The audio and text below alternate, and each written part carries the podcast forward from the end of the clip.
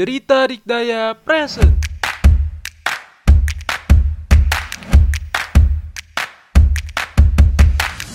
Hai hai hai Selamat datang di podcast Cerita Dikdaya Bersama Hasna, Dini, Putra. dan Faik. Di sini kita bakal nemenin kamu. Iya kamu.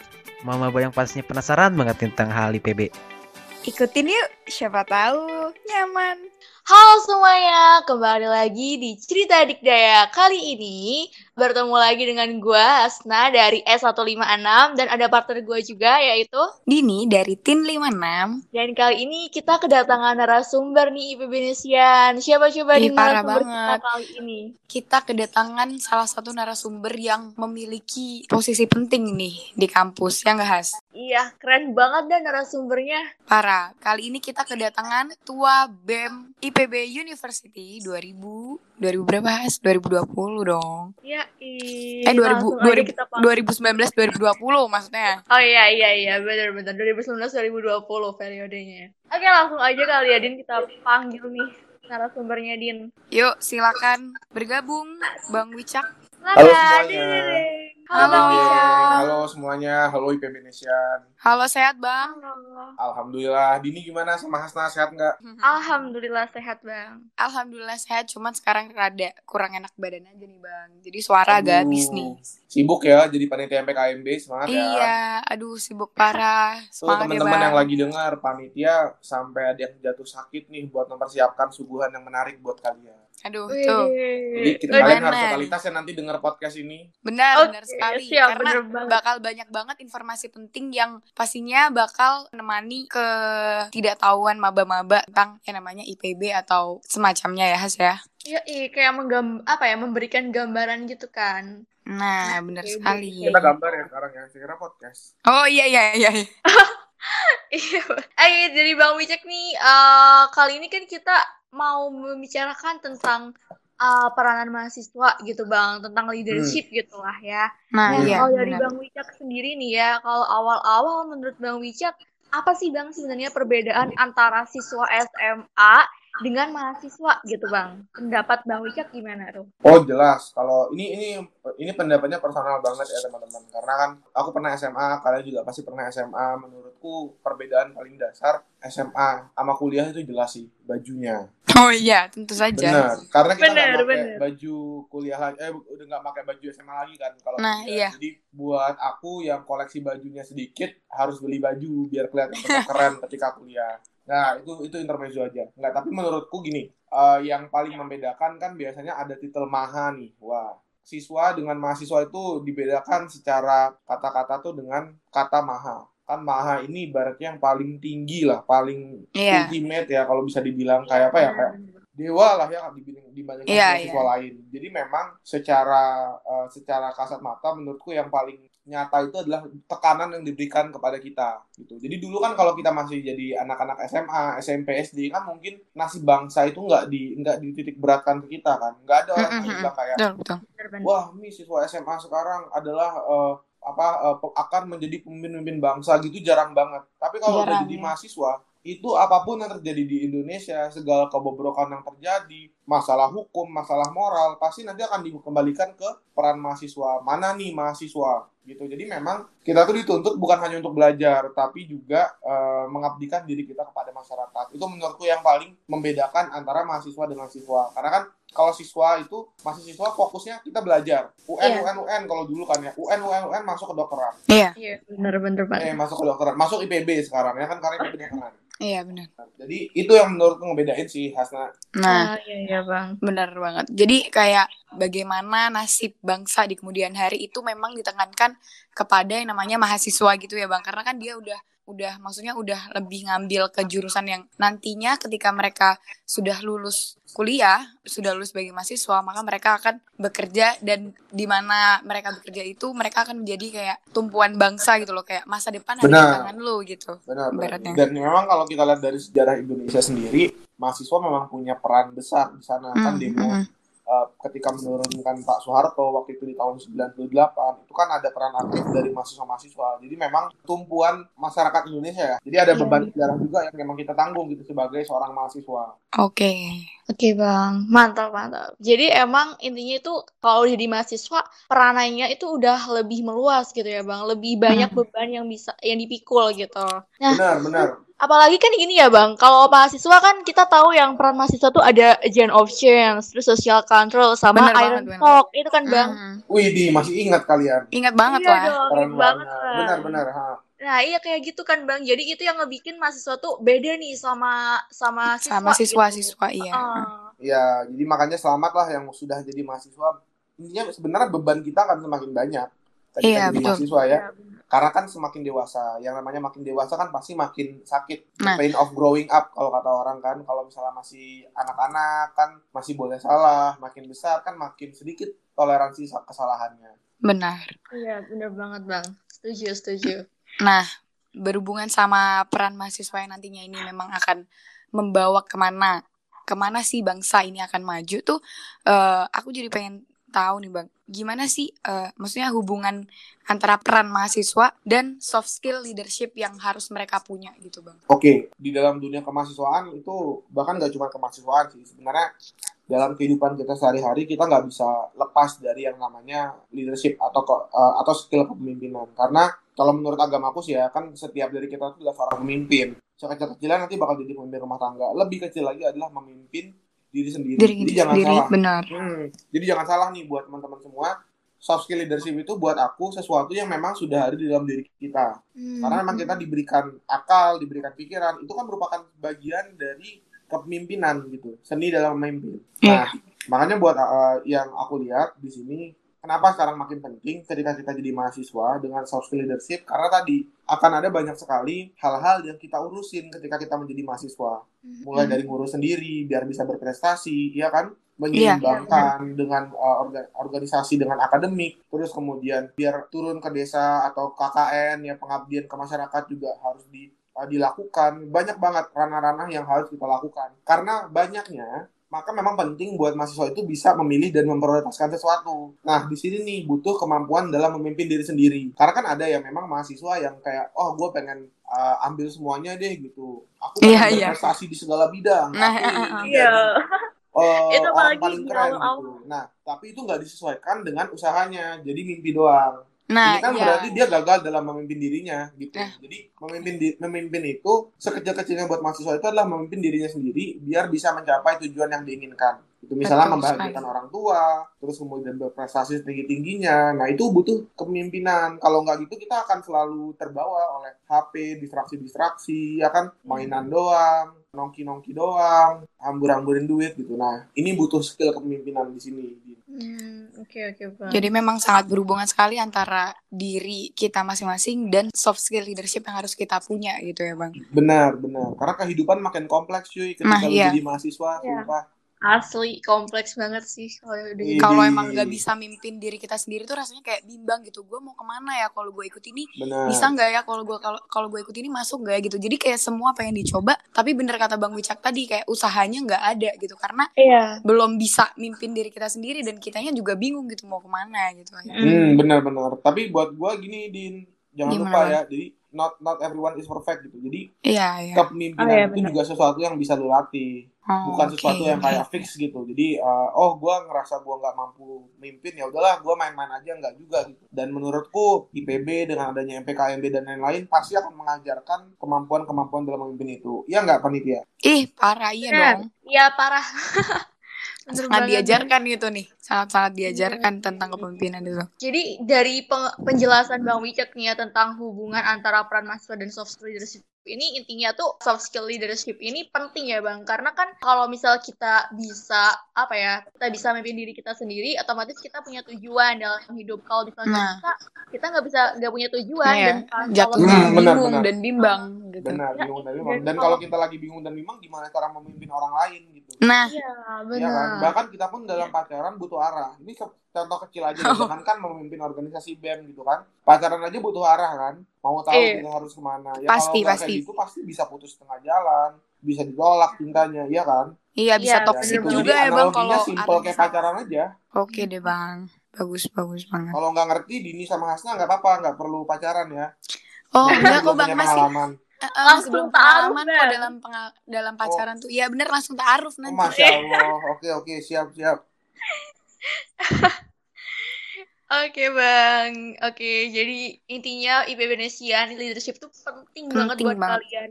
Karena kalau kita nggak punya tujuan, bisa jadi tujuan kita di di apa ya di di tu- apa istilah kayak dibikinnya tuh sama orang lain gitu ya nggak sih Din kayak Iya, bukan benar. kita yang menentukan Bukan gitu, kita yang menentukan. sama orang lain Benar, benar.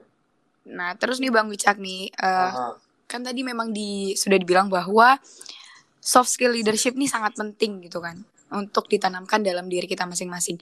Nah itu pengen tahu gitu bang, bagaimana sih cara IPB Nesian atau teman-teman yang lain untuk menerapkan skill leadership ini dalam diri kita sendiri gitu, melatih adanya skill ini untuk terus bertumbuh dan berkembang gitu bang. Oke, buat melatihnya sih ini ini kalau di konteks IPB langsung aja ya. Ibaratnya kan kalian nanti sudah akan masuk ke IPB nih ya. Nah, kondisinya nanti mungkin teman-teman nggak bakal online, mungkin off, udah mulai offline. Kalau dulu aku yang diajarin di asrama banget itu adalah kita itu coba mulai dari hal yang paling kecil, hal yang paling simpel. Segala kebiasaan baik, segala hal-hal yang sifatnya mengembangkan diri itu mulai dari yang paling kecil. Jadi dulu yang diajarin adalah beresin kasur abis bangun tidur ini sesuatu yang tidak pernah gue lakukan ketika gue SMA karena kan gue SMA udah udah ngekos juga ya udah ngekos udah udah nggak tinggal sama orang tua ketika SMA jadi nggak pernah dulu beresin kasur tapi di kampus diajarin buat coba diberesin kasurnya. Dan akhirnya aku coba buat beresin kasur tiap bangun pagi. Kalau bangunnya pagi kalau siang ya juga bang tetap beresin kasur intinya ya. Ini nih jadi kayak apa ya ter- dan ternyata pas aku lagi ngeliat di YouTube ini jadi metode juga yang digunakan untuk melatih kepemimpinan tentara-tentara di Amerika Serikat. Jadi ada Wah. bukunya tuh The Magic of Tidying Up kalau nggak salah. Nah ini jadi ini diajarin buat eh, kita beres-beres itu tuh melatih kedisiplinan kita satu. Kemudian yang kedua membuat kita senang ya karena kan bersih. Jadi ketika kita pulang ke kamar jadinya wah enak kasurnya Iya emang bersih tuh ngebawa pikiran jadi fresh gitu bang yang jadinya Iya, yang tadinya. bersih banget ya orangnya ya. oh ya jelas dong. Makanya kan Ah. bang Wicak kalau ngeliat aku langsung fresh gitu. Ya jadi satu itu pertama gitu sih yang paling kecil. Kemudian yang kedua memang eh, kepemimpinan itu juga bisa dilatih dengan teman-teman mengikuti kegiatan-kegiatan kemahasiswaan. Bisa ke kepanitia bisa menjadi eh, organisatoris ya ikut bem ikut UKM atau ikut eh, himpunan profesi macam-macam lah. Ada banyak banget di PB kalian bisa milih. Dan bisa juga ikutan komunitas-komunitas bikin podcast dan lain-lain. Intinya semakin banyak kegiatan kita yang bersinggungan dengan orang banyak semakin banyak kegiatan kita yang dilakukan untuk eh, orang lain itu juga akan melatih skill kepemimpinan kita secara nggak langsung gitu. Dan yang memang yang terakhir jangan lupa udah memulai dari hal yang kecil kemudian yang kedua udah kita uji coba dengan ikutan organisasi. Yang ketiga kita juga harus belajar. Kepemimpinan itu juga sedang dipelajari. Banyak banget buku-buku kepemimpinan yang bagus banget kalau misalnya kita baca dan kita habisin. Jadi bisa jadi pelajaran buat kita. Kayak misalnya Good to Great dari Jim Collins. Terus kemudian Hmm. buku series bukunya dari John C. Maxwell gitu. Atau enggak em, kalau teman-teman sukanya yang model-modelnya novel mungkin teman-teman bisa ba- baca yang kayak Paul Paul apa? Paulo Coelho misal The Alchemist macam-macam yang penting Iya, iya, belajar soal kepemimpinan sih itu bisa Oke. di mana pun. Ini kelihatan ya Bang Wicek nih orangnya emang suka baca gitu ya. Iya, bukunya suka baca ya buku saya nih, baca Bang. chat orangnya. Oh. Baca tweet-tweet Twitter gitu. Iya iya. Baca tweet. Tweet Twitter emang Oke. mantep sih berarti emang ba- eh, ada beberapa Oke. cara yang memang bisa dilakukan untuk melatih Mm. soft skill leadership diri kita sendiri gitu ya Has ya iya bener tapi yang Iya, paling bener pertama banget. dulu pelajaran yang aku dapetin dari mana tau nggak dari mana dari mana bang dari MPKMB jadi ini Wah. aku sedikit cerita background story aku ya teman-teman boleh boleh banget bang yuk yuk biar jadi buat buat belajar tahu nih. nih. Nah, Mm-mm. jadi sebenarnya aku tuh dari SMA itu bukan orang yang aktif organisasi lah. Ikutlah beberapa. Paling jadi wakil ketua, paling banter office juga nggak ikut. Ketika masuk ke IPB itu kayak ada sesuatu yang pengen aku achieve, tapi nggak tahu apa. Jadi kayak ya sama tadi mungkin dibilang, aku juga bingung mau ngapain ya di IPB mau belajar atau gitu. Dulu ketika MKMB, ada tuh pemilihan ketua kecil. Ketua kelompok kecil tuh ada pemilihan. Dan waktu itu aku Oh, iya, coba iya. ngeberaniin diri kayak, coba deh coba jadi ketua kecil deh. Minimal kan jadi dikenal ya. Karena Iya, dari iya. yang aku yang masuk ke IPB itu nggak banyak teman-teman setahun.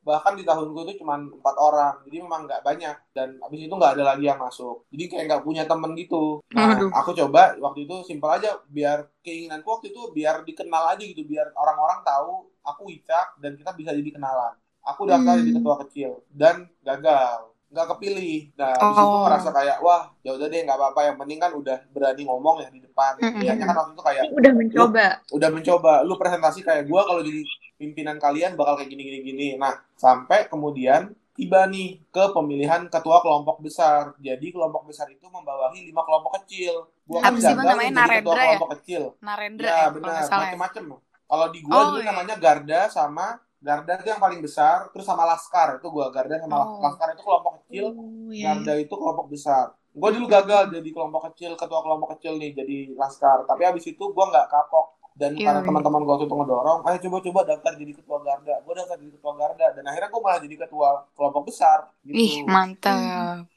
Nah, ini Keren banget. perjalanan leadership pertama gue sih. Karena dimulai dari si simple nyoba-nyoba. Gitu. Karena Hmm. kita nggak bakal tahu Ha-ha. kemampuan diri kita kalau kita nggak nyoba. Nah, iya. So, Terus, Bang, try myself lah gitu. Gue bisa apa sih Iya. eh, di kampus, di IPB, apakah gue keren apa enggak? Nah, iya. Hmm. Nah, gitu gue ngeceknya. Nah, terus Ternyata ngelihat gue dari keren gitu, Din. Iya, iya, iya. Emang keren kok, Bang. Iya paling Nah, terus- keren dah, paling iya, keren se IPB bang. Saya IPB. Terus ngeliat dari cerita abang nih, kan ada teman yang ngedorong untuk ya udah ayo coba gitu kan. Berarti kan lingkungan pertemanan itu juga sangat mendukung kita untuk terus berkembang gitu kan, bang. Oh iya Jadi bener banget. dia dia bener juga banget. salah satu Iya. faktor yang mendukung kita untuk bisa menerapkan soft skill dalam diri kita kan. Benar, bener banget. Karena lingkungan itu apalagi di Mm, IPB ya. Yang aku temuin bahkan ya, teman-teman yang selingkaranku ketika waktu itu yang ngedorong itu ya jadi kelompok besar. Sampai sekarang itu masih berteman baik dan bahkan mayoritas jadi pimpinan BMKM. Wah. Itu jadi kayak misalnya sekretaris umumku di, di BMKM Keren banget. Merinding nih bang dengernya bang. Enggak serius, sekretaris umum di BMKM sekarang yang jadi sekretaris UKU itu dulu adalah sekretaris Garda eh, sekretaris Laskar yang kupimpin. Mhm. dari Garda yang kupimpin gitu. Jadi ketemu lagi sekarang. Terus dulu uh, ada pemimpin laskar yang pemimpin laskar yang aku pimpin dulu Gardanya kan ada dari Garda itu ada lima laskar. Masing-masing laskar ada pemimpinnya. Itu ada yang jadi ketua BEM MIPA, ada yang jadi ketua BEM FEM, ada yang jadi kepala departemen olahraga, macam-macam lah. Jadi kayak tetap Sukses sampai ya, akhir gitu. dengan cara mereka. Keren keren. Gimana Jadi Has? intinya harus bisa mengambil peran ya bang ya, harus Nah. berani gitu mengambil Hmm. peran gitu. Itu Karena- yang langkah awal gitu. Tadi ngomongin lingkungan, lingkungan itu sesuatu yang lu bentuk, bukan sesuatu Nah, iya. yang apa ya yang kayak uh, lu terima jadi. Mm, Lu betul bisa memilih sekali. bergaul dengan orang-orang yang seperti apa, iya kan? Yap, yap. gitu dan itu akan membentuk lu Iya, kalau lu benar. emang mau bergaul dengan eh, teman-teman yang mainan kerjaannya ya it's okay fine juga gitu nggak apa-apa benar. tapi kalau lu emang pengen punya karir yang bagus apa di kampus pengen punya eh, link-link yang bagus ya lu juga harus nyari orang-orang yang setipe sama lu atau minimal sevisi gitu sih Iya, benar-benar. banget. Tuh IPB Nesian. Jangan lupa jadi lingkungan lingkungan itu juga sangat mendukung ya Has ya. Iya asli. Jadi harus bisa pilih apa ya istilahnya kita harus cari temen yang sekiranya bisa sevisi gitu sama tujuan kita. Se iya sevisi. Iya kayak gitulah ya dia. Jadi Jadi nggak apa-apa kita- kita tuh untuk memilih gitu sebenarnya nggak masalah ya bang. Benar. menurut nggak masalah tapi kalau kalau kalau buat gua sendiri eh, lebih apa ya kita milih yang paling banyak eh, siapa tapi nggak nggak nggak menutup diri untuk bergaul dengan yang lain Mm-mm. Jadi gue juga punya circle teman-teman yang main, yang buat jalan-jalan ke puncak, nonton Hmm, film, keluar ada yang baru ya. Justru itu peran kita juga buat nanti Nah. bantu ngedevelop mereka. Jadi misalnya gue ketika jadi ketua BEM, ya gue ngebantu mereka nih. Ayo gue bisa bantu apa gitu. Jadi apa ya, makin banyak pemimpin-pemimpin yang jadilah. Iya, benar-benar. Aku pernah ini sih Bang, pernah baca tuh ada yang bilang semakin dewasa kita semakin memperluas lingkup perkenalan dan mempersempit lingkup pertemanan gitu Bang. Gitu Wih, Bang apa tuh katanya. bedanya? Apa tuh bedanya, Din? Jadi eh, kayak misalkan kalau perkenalan kan kita boleh tuh kita bebas berteman atau berkenalan dengan siapa pun. Tapi untuk memilih circle lingkungan yang menurut kita memang bisa membentuk diri kita itu nggak mudah gitu Bang. Jadi Benar, hanya benar. beberapa saja yang bisa mendukung kita gitu. Benar. Mm-mm. Sepakat sih. Keren banget emang Dini. Wawasannya luas. Eh, jangan gitu, jangan gitu, jangan gitu. kan tahu juga dari abang Hmm. nih. Iya begitu. Jadi sebenarnya cara menerapkan soft skill leadership itu mudah ya bang. Kalau misalnya kita udah punya kemauan nih, bahkan dari hal sepele kayak bangun tidur terus beresin kasur Iya. sendiri pun itu tuh melatih leadership gitu. Mm-mm. Hmm. Disiplin ya, Has. Ah, benar. Jadi buat para IPB Indonesia nih yang kalau misal bangun tidur itu tuh kayak ogah-ogahan beresin kasur. Coba deh mulai sekarang kalian tuh harus rajin bangun tidur, beresin kasur gitu. Langsung inisiatif gitu maksudnya, Has ya. Iya, jangan jangan dibiarin gitu aja nunggu diberesin gitu kan. Mm-mm, bener. Benar, apalagi diberesin teman. Terus nih Bang, dari tadi kan kita udah bilang tentang uh, pentingnya leadership, cara menerapkan leadership, terus juga hubungan antara uh, peran mahasiswa dengan soft skill leadership. Ini Hmm. juga kita ada nih Bang, beberapa pertanyaan nih dari para IPB Nesian yang Nah, uh, eh, eh, Nggak yang kalah. nggak kalah penting ya, Has ya. Iya, yang kayak Hmm. penasaran gitu loh tentang i- leadership tuh kayak gimana gitu. Ya nggak dia Boleh, boleh, boleh. Iya, parah. Oke, Jadi ini di sini langsung- ada beberapa yang list yang pertanyaan, nanya? Bang. Ada ada nggak di sini? Kayaknya kita tidak mencantumkan nama deh, Bang. Biar Oh. nanti kalau misalkan dia, oh ini kayaknya pertanyaan gue nih, biar dia keep oh, sendiri biar dia gitu, Bang. penasaran gitu ya. Nah, Iya, Oke, benar-benar. oke. biar nggak berebut nih, Bang. Kayak, ya itu disebutin gue enggak gitu kan. Iya sih. Heboh. Karena banyak banget, bener banyak banget. Iya, banyak banget Bang dan ini pun kita pilah-pilah gitu Bang. Mm, Jadi, Oke. Eh, jadi yang pertama nih Bang, ada yang nanya kayak, "Kak, soft skill itu dia tuh lahir atau dilatih sih?" gitu. Nah, Hmm. gimana nih Bang? Lahir Nah. atau dilatih soft skill itu Bang? Eh, Coba dijelaskan lagi, Bang. Sebenarnya kalau yang aku tahu ya teman-teman ini eh, ada dua hal, ada dua mazhab apa ya? Ada dua pikir, pemikiran lah. Ada yang bilang bahwa Hmm. dia dilatih, ada yang bilang juga bahwa itu tuh sesuatu yang sudah dilahirkan gitu. Hmm. Ini teman-teman bisa Google nama-nama ahli-ahlinya sepakat. Tapi kalau buat gua sih, gua ngerasa ini nih di sesuatu yang dilatih ya. Kombinasi lah dilatih dan dilahirkan. Iya, iya, Karena kalaupun dia dilahirkan tapi dia nggak dilatih, ya akan percuma. Iya, bener Gitu. banget. Tetapi ketika misalnya dia dilatih, tapi dia juga nggak punya bakat dari lahir ya, juga sesuatu yang mungkin Kurang. bisa jadi nggak maksimal. Kecuali, Ah. nah, karena kita nggak bisa me- apa namanya mem- mem- memungkiri teman-teman bahwa privilege itu ada dan nyata. betul sekali. Ada memang orang-orang yang memberi, diberikan privilege, kemampuan untuk eh, mendapatkan pembelajaran leadership lebih nyata gitu. Misalnya, bapak gua CEO perusahaan, contoh ya, Mm. kan otomatis ibaratnya kayak gue jadi setidaknya ada ada turunan untuk memimpin gitu atau gue Mm-mm. di apa namanya punya punya akses buat belajar memimpin lebih banyak iya kan Iya, bener. ya jadi menurut gue memang ini kombinasi kombinasi antara sesuatu yang dilahirkan dan sesuatu yang dilatih gitu jadi Iya. memang tapi teman-teman nggak perlu berkecil hati nggak perlu dipikirin lah masalah lahir atau dilatihnya yang terpenting yang kita lakuin itu adalah melatihnya karena Ya. kalau lahir kan kita udah nggak bisa ngubah ya Iya, Iya. Iya kan kayak ya udahlah kita mau mau ngerubah apa dari sesuatu yang sudah dilahirkan. Tapi kalau ngelatih Iya. itu sesuatu yang jadi keputusan kita. Nah kita fokusin sama itu aja. Iya. Kita coba buat ngelatih Iya. seberapapun banyak gagal yang kita temui, latih terus aja. Gitu. Berarti Dan- Ibaratnya kayak kita ditakdirkan memiliki suara yang merdu gitu ya bang. Kalau misalkan udah ditakdirkan punya suara merdu, kita harus tetap melatih suara itu biar jadi penyanyi yang bagus gitu kan ibaratnya benar gitu benar. kan bang. Apalagi kalau misalnya leadership kan sesuatu yang kita sebenarnya abstrak banget, nggak bisa ngeliat. Kalau nyanyi kan kita bisa mendengar ya, oh suaranya Hmm. Iya. merdu.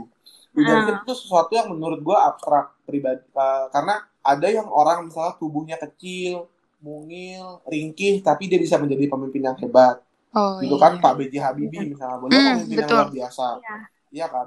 Ada juga Iya, misalnya dia yang badannya besar, eh, pokoknya macam-macam banget. Etnis pun juga eh, sangat beragam. Jadi kita nggak usah musingin sesuatu yang dilahirkan, pusingin Hmm, sesuatu iya. yang kemudian bisa kita latih. Dan melatih leadership itu, kalau menurutku cara paling mudahnya adalah trial and error, terus nyoba gagal, Wah. terus nyoba gagal. Ibaratnya Wow tuh katanya Indonesian tuh. Billy Boone ya di Wow. Young on Top, kita ngabisin jatah gagal kita sedini Hmm. mungkin. Iya, bener-bener Bang. Cakep. Ibaratnya, ibaratnya kayak pisau gitu ya bang. Dia kan kalau misal pisau nih diasah makin tajam gitu. Tapi kalau misal nggak diasah ya tumpul, gitu kan Tumpul. bang. Iya, Bener, bener apalagi kalau pisaunya dipakai Mm-mm. buat motong daging kan. Ya, aduh. Ah. Udah nggak bisa tuh. Enggak, karena masih Idul Adha sih. Jadi Oh, iya. ingat, Oh, oh, iya iya. Jadi ingat nih, pengen Hmm. nyate lagi bang. Ayo, Yuk, yuk. Ayo, ayo bang, cus. Ah Hasna nggak di Bogor sih. ya ntar kan disebut dijemput bang Wicak ya bang. Eh, nggak saya sebut Dini aja deh. Oh, Iya, karena iya, iya. deket Has, karena deket. Kalau jemput lu jauh.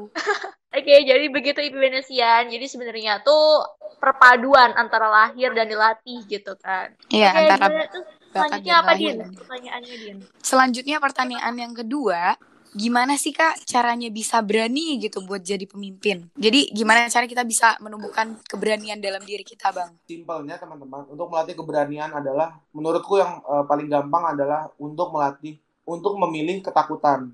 Kita tuh takut akan sesuatu hal pasti karena itu wajar. Takut Iya. itu sesuatu yang wajar kan nggak berani. Mm-mm. Nah kita tinggal milih kita takut akan apa. Gua takut nonton film horor. Yuk, sama ini dong. seriusan. Gua memilih Ih, takut sama, terhadap Bang. benar kan? Nah, gua takut nonton film horor. Ini kan pilihan gue ya untuk takut ke situ. Mm-mm. Terus Iya. gue takut apa lagi ya? Pokoknya paling gampang gue takut film horor. Jadi teman-teman dalam menurut gue dalam melatih keberanian, cara paling gampang itu adalah memilih apa yang kita takuti. Gitu. Jadi kita kalau kita nggak karena keberanian itu ada karena rasa takut gitu. Kita takut apa? Kita kita kalau nggak ada rasa takut kita nggak akan mungkin menjadi orang yang berani. Tinggal kita pilih takutnya di bidang apa gitu. Ketika misalnya kita ngerasa kita takut nih buat ngomong di depan umum karena salah, nah itu kita bedah. Kenapa sih takut buat ngomong di depan umum apa yang menjadi penyebabnya nah itu yang jadi alasan kita buat berani gua takut misalnya eh, gua takut nonton film horor karena ada darahnya gua agak ngeri lah kalau ngelihat darah nah jadi Fobia, fobia darah bukan, Bang? nggak fobia juga sih sebenarnya kan kalau fobia Ngeri kan aja edgy- gitu ya. edgy gitu ya kan biar kayak Ya ngeri gitu. aja iya, emang iya. gitu. Iya, Bang. Ngerti emang, Bang emang rasanya, ngeri Bang. aja gitu ya Gua ngerti Bang rasanya karena gue juga kayak gitu, Bang. Hmm, Nah, identifikasi kalian takutnya apa. Nah, baru nanti teman-teman bakal tahu kunci beraninya di sana kayak gimana. Jadi ketika ka- gua gua Oh. takut nih mimpin. Mm-mm. Eh, kenapa gua takut mimpin? Misalnya karena gua nggak siap buat dapat tanggung jawab yang banyak, gitu misalnya. Kenapa sih gua nggak siap buat dapat tanggung jawab yang jawab? Banyak nanya gitu. Oh, gua nggak siap dapat tanggung jawab yang banyak karena misalnya satu dulu pernah trauma. Gue dulu pernah disuruh mimpin acara dan acaranya gagal, oke? Nah, Hmm. ini, nah masalah-masalah ini yang kita sederhanain untuk bisa diselesaikan. Karena gue percaya takut itu datang karena suatu sebab. Nah, kita cari penyebabnya untuk bisa berani dan melawan rasa takut tersebut. Kayak ya dulu ya, kalau gue beruntungnya adalah gue dilatih untuk bisa ngomong mungkin ya di depan umum itu udah sejak SD. Ketika uh, Hmm. ketika uh, orang tua gue waktu itu memang uh, mendorong gue terus untuk bisa menjadi dokter kecil. Tau gak sih dokter kecil kalian? Tahu, tahu, tahu, tahu. Nah, Tahu, kan tahu. dokter kecil itu menyuluh melakukan penyuluhan ya ngomong ke depan Iya. ke banyak orang ya nah Iya. gue dilatih tuh untuk itu sama orang tua gue itu orang juga pasti takut banget ada rasa gemetar dan lain-lain tapi ketika akhirnya teman-teman itu jadi suatu hal yang biasa nanti nggak kepikiran lagi takutnya Oke, kayak jadi berarti tadi ya pilih kata-kata aja rasa takutnya kamu takut yang mana Ah. sebenarnya kan nggak mungkin takut semuanya Mm-mm. Ah, benar. bisa karena terbiasa, bisa karena dibiasakan gitu kan. Wih, di ini banyak banget peribahasa yang disimpan sama di Iya. ini nyimpan ini ya ini Enggak gitu nih Bang. Ini kan biar IP Benesian tuh kayak wah, oh ya ternyata kalau aku takut di satu hal tuh berarti aku harus mencari tahu kenapa kok aku bisa takut di sini ya gitu kan ibaratnya. Dan benar dengan dengan pengetahuan dia kenapa dia bisa takut di suatu hal itu, maka dia akan berusaha untuk eh, apa namanya melakukan keberanian keberanian akan ketakutan itu gitu kan. ya tapi jangan sampai kita jadi nggak takut Oh iya iya Karena benar-benar. takut itu Iya. penting misalnya ketika lu mem- takut itu penting dalam memimpin. Ketika lu ka- kalau lu nggak takut dalam memimpin, akibatnya lu bakal jadi orang-orang yang korup. Hmm, betul. Karena Ah. koruptor-koruptor di sana mereka nggak takut akan hukum ya kan. Nah, Iya, jadi iya. juga untuk tetap menjaga rasa takut pada hal-hal yang benar. Misalnya takut Iya. mendapatkan dosa dari Allah gitu ya misalnya. Terus Iya, benar. takut nggak bisa menjalankan amanah dengan baik. Iya. Lu juga selalu menjaga rasa takut itu gitu. Takut nih kayak MIPB nanti misalnya ada yang nggak bisa BUKT atau ada yang mungkin dia kesusahan. Nah itu gue juga pasti punya rasa Mm-mm. takut tersebut. Itu yang akhirnya tetap mendorong kita beraktivitas setiap hari untuk melakukan Oke, perubahan. boleh berani tapi tahu batasan gitu ya bang. Ini lagi nih ada peribahasa baru dari diri keren juga. Pengen ketawa tapi gimana ya bang? ya? Iya. Ibu plus untuk diri dong, Bang. Apa nih? Jadi gitu Ibu Benesian. Nah terus Has pertanyaan selanjutnya Has. Ih, jadi begitu. Oke, pertanyaan selanjutnya itu, Kak, pengetahuan yang harus ada dalam leadership itu seperti apa? Jadi pengetahuan biar dikit apa ya? Untuk leadership seperti apa, Bang? Pengetahuan apa tuh? Waduh, ini udah kayak kuliah kepemimpinan ya. Oke, pengetahuan Kuliah kepemimpinan. Iya, pengetahuan ya, pengetahuan yang paling dasar mungkin yang bisa kita pelajari. Menurutku kuncinya itu kalau buat leadership itu ada eh, ada kalau kita ngomongin pengetahuan ya, itu ada dua sih. Satu critical thinking kemudian yang kedua soal apa sih tadi ngomong. Satu critical thinking ya satu. Kemudian yang kedua itu memang communication skill. Dan yang terakhir Iya. nah ini yang tadi gue lupa itu adalah growth mindset. Gitu. Ini ini pelajaran yang bisa kita pelajari dan teman-teman bisa akses itu di internet dan bisa cari artikel buat meningkatkan kemampuannya. Critical thinking itu penting. Kenapa? Karena ketika kita belajar leadership bedanya leader sama staff itu apa sih? Coba Hasna bedanya apa sih seorang pemimpin sama yang dipimpin orang yang dipimpin bedanya apa Bedanya pemimpin sama yang dipimpin, Bang. ah bedanya apa Hasna Ah, gimana ya? Kalau dari aku nih, Bang, kalau pemimpin itu ya dia yang mengordinir ya kan, Bang. Kayak ah dia yang ada apa kayak menentukan tujuan gitu. Nah, kalau misalnya yang dipimpin, Nah. tujuan ya dia yang uh, pasti kayak semacam nurut, bukan nurut ya.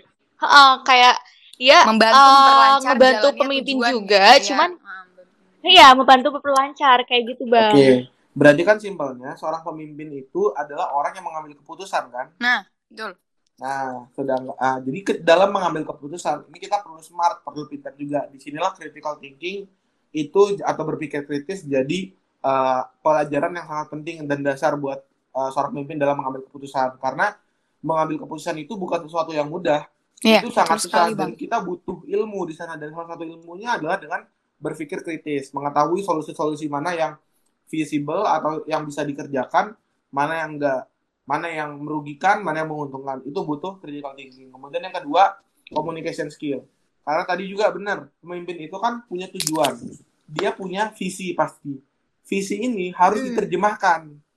Cara Iya, paling iya, gampang menerjemahkan visi adalah dengan omongan, dengan ucapan ketika ketika seorang pemimpin nggak bisa mengkomunikasikan apa yang ada di otaknya, maka orang-orang yang dipimpinnya nggak bakal tahu dia tuh lagi dipimpin.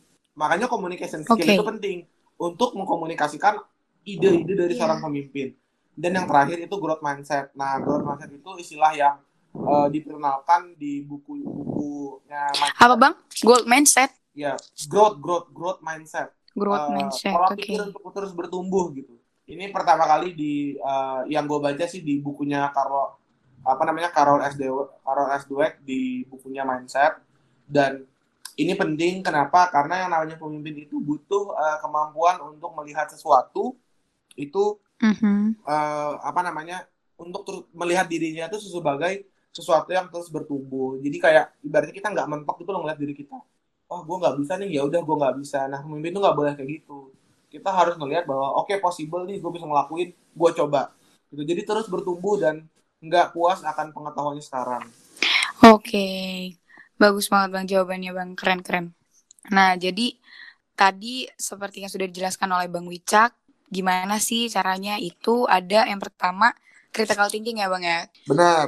Terus yang kedua Iya, communication skill, gimana caranya kita mengkomunikasikan hal-hal yang harus kita komunikasikan kepada bawahan kita. Terus dan yang ketiga, yang terakhir ada growth mindset, yaitu pola pikir untuk terus bertumbuh nih teman-teman IPB Nesian. Dan kemudian ada nih bang pertanyaan selanjutnya bang, sabar ya, Hmm. masih banyak Terus, nih bang. terus. Tanya aja terus udah kayak ujian gua. Kak, izin bertanya, bagaimana mengambil keputusan saat anggota beda pendapat tapi tidak menyinggung gitu? Biasanya kan Wih. kita kalau misalkan mengambil keputusan tuh ada gitu bang yang kayak, ih apaan sih kok eh, ngikutnya ke arah sini aja gitu kan biasanya bang. Hmm. Oke, pertama, eh, pertama teman-teman eh, menyinggung orang itu sesuatu yang menurut gua secara pribadi itu sesuatu yang di luar kontrol kita. Karena Mm-mm. bisa jadi orang tersinggung akan ucapan yang paling halus yang kita ucapkan. Oke, kita bisa jadi nggak ngomong kasar tapi bisa bisa berdia tetap tersinggung. Jadi pen- penting buat seorang pemimpin itu untuk juga mempelajari mana hal yang bisa dia kontrol, mana yang nggak bisa dia kontrol. Dan perasaan seseorang itu adalah sesuatu Mm. yang di luar yang bisa dia kontrol. Karena sehalus apa pun usaha yang dilakukan, ketika misalnya kondisi orang yang mendengar itu lagi panas, habis putus sama pacarnya misalnya, ya dia tetap aja bakal tersinggung gitu. Iya kan? Nah, Iya, makanya iya, Bang. fokus Iya. sama hal-hal yang bisa kita kontrol. Jangan Oke. hal-hal yang nggak bisa kita kontrol. Jadi masalah tersinggung Mm-mm. atau enggak, itu urusan belakangan. Yang perlu jadi fokus bagi seorang pemimpin dalam mengambil keputusan itu adalah tadi, kan gue ngajarnya tadi, critical thinking. Nah, Iya. teman-teman, pastiin dalam setiap mengambil keputusan itu punya dasar yang bisa dipertanggungjawabkan. gue milih A karena apa, gue milih B karena apa. Seorang pemimpin yang hebat itu di- ditentukan berdasarkan ini. Gitu. Mau pilihannya salah atau benar, itu urusan belakangan. Yang penting punya dasar yang kuat gitu. Oke. Jadi, eh, ketik, eh, jadi ketika kita udah punya alasan dan kemudian alasannya kita komunikasikan, misalnya ya, iya nih saya pilih A karena saya udah melakukan beberapa peninjauan, saya juga udah berpikir panjang. Yang A ini adalah hal yang paling mungkin kita lakukan dalam jangka waktu dekat. Nggak semua orang akan suka dengan pilihan kita yang A. Tapi itu yang tugasnya seorang Hmm, pemimpin benar. bertanggung jawabkan. Semakin kita yakin dengan pilihan kita, semakin kita siap dengan landasan berpikir kita kenapa memilih A, insya Allah itu jadi nanti kita bisa mempertanggungjawabkan. Mm-mm. Nanti pun pilihan kalian mau benar ataupun salah, bakal ada orang yang nyinyir di belakang, bukan harusnya milihnya ini. Betul sekali itu bang. Nah ini sesuatu yang di luar kontrol, jadi kita nggak di luar terlalu kontrol kita. hal-hal kayak gini. Gitu. Fokus aja sama pilihan kalian, fokus sama keputusan kalian. Jadi masalah menyinggung atau enggak itu sangat-sangat terlatih. Yang penting teman-teman menyampaikannya dengan sopan, menyampaikannya dengan tadi penuh dasar, nggak menyampaikan dengan kayak marah-marah itu misalnya. Gitu. Jadi Iya, iya, Bang. ya penyampaian mah yang penting sopan dan halus Iya. aja. Tapi bisa jadi juga dengan sopan dan halus tetap ada yang tersinggung kan. Jadi Nah ya iya. udah, mm. Hmm. gitu. Tapi emang nomor- fokus ke sana. Mm, Nomor satu itu yang paling penting adalah mengkomunikasikan ya bang. Bagaimana cara kita untuk mengkomunikasikan apa yang sudah menjadi pilihan kita kepada teman-teman yang mungkin menerima hasil keputusan itu gitu kan. Karena memang Ya. semuanya kalau dikomunikasikan dengan baik, insya Allah emang akan berjalan dengan lancar gitu.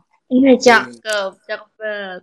Apalagi nih, apalagi nih. Uhas, Nah, pertanyaan ini terakhir ada Has, nih. Has. pertanyaan- Iya, pertanyaan terakhir nih, Bang. Yang Hmm. terakhir. Jadi, gimana caranya jadi pemimpin yang bijak dalam segala hal, termasuk bijak dalam mengatur waktu? Nah, gimana Nah tuh, bang, Bang? jujur gue sendiri tuh orang yang eh, susah gitu bang. Kadang untuk disiplin waktunya masih kurang Iya. Atur waktu sama pacar nggak bisa ya, Din ya? nggak bisa banget soalnya nggak punya pacar bang jadi kayak nggak ngerti Aduh. juga gitu gimana Oh, caranya aduh, gitu bang curhat ya. Aduh. Hmm. ada yang mau daftar Oke. silakan eh, eh. Aduh, oke. Ngatur waktu ya, teman-teman.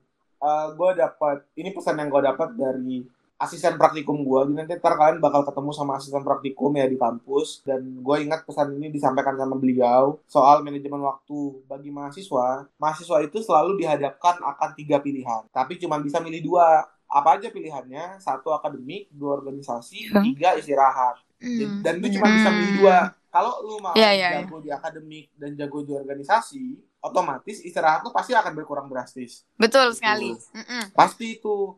Tapi kalau misalnya lu mau organisasi dan istirahat, ya berarti lu harus siap akademik lu juga keteteran. Mm-mm.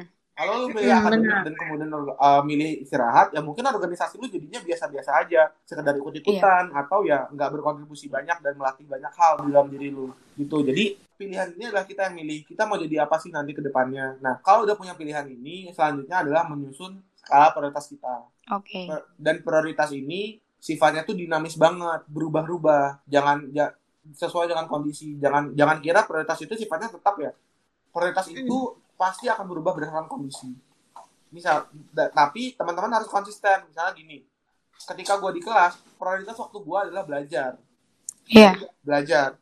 Ketika gue di luar kelas, udah gue nggak mau belajar. Gue mau Hmm. organisasi gitu misalnya. Jam malam gue misalnya, gue nggak boleh tidur kalau tugas belum selesai. Itu pilihan. Hmm. Ada juga yang punya tipe, oh gue tidur dulu, bangun bangun jam 3 pagi, baru ngerjain tugas. Macam-macam iya kan? iya Iya. macam-macam bener Ini benar-benar personally kalian yang harus atur. Secara umum menurutku, manajemen waktu itu bukan sesuatu yang harus ditetapkan sama orang lain, tapi kalian yang menetapkan. oke berarti Loh, dari diri sendiri ya bang Iya, secara biologis kita itu punya namanya ritme sirkadian atau circadian rhythm. Nah, itu tuh masing-masing orang beda-beda. Nah, sesuaikan dengan ritme kalian kayak gua. Gua tuh orang yang nempel kasur tidur mau gimana pun. eh dah Jadi sesuatu yang sangat tidak mungkin buat gua begadang kecuali kondisi yang eh, memungkinkan ya gitu. Makanya Elor ya, Bang ya? Jadi kalau gua dulu waktu Suka waktu- tidur, Bang. Suka tidur. Jadi Hmm. kalau gua waktu kuliah pasti menghindari kasur, pergi Oke. keluar gitu. Atau waktu dulu kalau misalnya mau belajar tidur dulu, baru kemudian kalau udah bangun baru belajar karena ngantukan orangnya, pengen bubuk gitu loh sering. Oh, oke jadi memang bagaimana cara kita untuk disiplin terutama terhadap waktu ya memang dari diri kita sendiri gitu yang bisa memanage kita sendiri Eh, gitu kan. Iya, jadi setelah kita berbincang-bincang nih ya Din ya sama Bang Wicak, Oh, kita tuh iya. bisa tahu Hmm. gitu. Oh, ternyata leadership itu penting loh gitu. Penting Dan kita banget ya juga harusnya. ah, dan cara untuk menerapkan leadership itu pun bisa dimulai dari hal yang kecil. Contohnya kayak tadi beresin kasur kayak gitu. Dan. Hmm. dan banyak hal lagi yang bisa kita pelajari nih, yang bisa kita apa ya, ambil ilmunya dari Bang Wicak nih gitu Iya. kan. Ayo lagi. Yang paling penting- 50 soal lagi, 50 soal Oh, lagi. Udah bang, udah udah kelar Oh, udah. Haus pertanyaan ya Bang ya? Haus banget nih pertanyaan. Bisa nanti kalau misalkan pengen nanya-nanya lebih dalam, bisa kali ya bang kontak bang Wicak ya. Bisa kontak DM, di DM follow di Wicak. @birawau. Iya tuh, follow tuh IPB Nesian. Oke. yang pengen tahu tentang gimana sih caranya mengembangkan diri gitu kan Iya. ibaratnya atau hal-hal lainnya pun bisa langsung kontak Hmm. Bang Wicak. Oke. Iya. Bisa lah ya sharing-sharing gitu sama Bang Wicak Bisa ngopi banget. gitu ya Bang. Bisa banget. Yang penting diajak aja. Kalau Dini mungkin mau ngopi sama saya boleh. Oh boleh banget Bang nanti ya nanti saya kontak ya Bang ya. Ya ampun. Oke, Nah Has kayaknya banyak banget ya Has ya Ah. ilmu yang kita dapat kali ini Has. iya bener banget. Gue juga banyak belajar nih dari Bang Wicak, Din. Mhm, apa tuh? Apa tuh? Ya, banyak belajar aja kayak, oh ternyata kayak gini. Ternyata kalau kan biasanya gue tuh uh, suka mikirin gitu tentang orang-orang kalau misalnya gue kayak mau ngeluarin pendapat terus kayak ya Iya. tadi tersinggung kayak gitu loh. Gue tuh Mm-mm. orangnya pemikir banget gitu kayak, aduh ntar kalau misal uh, dia kesinggung gimana ya kayak Gimana gitu. ya? Jadi, Iya. uh, dan dari Bang Wicak juga, oke berarti gue tuh nggak perlu mengontrol hal-hal yang sekiranya susah untuk gue Iya. apa ya, buat gue rangkul gitu. Iya kayak, benar. Itu kontrol aja silakan yang- baca-baca filosofi Stoa. Nah Oh, oke, Bang oke. eh, aku baca eh, gue baca filosofi teras tau Bang. Oh, filosofi terasnya Henry Iya. Manam Piringnya. Iya belum baca Bagus, filosofi bagus. stoa. Jadi gitu, Bagus itu buat yang Indonesia lanjutin aja Iya. eh, ba- belajarnya kalau yang bahasa Inggris. Oh, oke, Bang. Jadi gitu teman-teman, kita nggak usah mendengarkan hal-hal yang nggak bisa kita kontrol dan Mm-mm. juga kita harus tetap berani tapi harus tahu batasan-batasannya gitu. Ya, iya benar. Hmm. Nah, kemudian dalam mengambil keputusan itu memang dibutuhkan beberapa step yang yang nantinya akan menghasilkan sebuah keputusan yang baik gitu kan. Kayak tadi critical Hmm. thinking, terus atau kita harus punya alasan yang kuat tentang apa yang Hmm. harus kita putuskan kayak gitu. Hmm. Dan yang terakhir, gimana sih caranya bijak dalam mengatur waktu ya? Kembali lagi ke diri kita sendiri yang bisa nge-manage Iya, itu benar. gitu kan. Benar, benar. Oke. Oke, jadi kayaknya udah cukup sekian ya Din ya Iya, kita belajar sekian tentang perjumpaan sekolah kita. kepemimpinan nih hari ini. Iya, berasa sekolah kepemimpinan online ini. Iya, asli sama Asli, alhamdulillah. Senang bisa berbagi dengan kalian berdua dan Senang Iya, juga, senang Bang. juga Bang. Dan pastinya kita ngucapin terima kasih banyak kepada Hmm. para pendengar khususnya IPB Nesia nih. Ya, Hmm. i. Dan jangan lupa pastinya bakal ada episode-episode berikutnya yang gak kalah menarik dari episode Iya. ini ya, Has ya. Iya, dan dengan orang-orang yang hebat juga gitu kan. Parah. ya pantangin terus Jadi- lah intinya MPK ini. Bener banget. pasti. Iya, asli. Makasih juga ya Bang ya udah menyempatkan waktu nih Bang. Makasih ya Bang. Tenang dengan sangat dengan senang hati teman-teman. Jadi tetap stay tune di cerita Dikdaya ya para IPB Nesia. Nantikan episode selanjutnya. Kalau gitu, eh, gua Hasna pamit undur diri. Dan gua Dini, kita pamit undur diri. Dan gua Wicak. Oh iya. Iya, Wicak. dan Bang Hmm, Wicak dan pamit Bang undur Wicak. diri. Kita bertiga pamit undur diri. Sampai Terima jumpa kasih. di episode berikutnya. Yeay, Ya. dadah.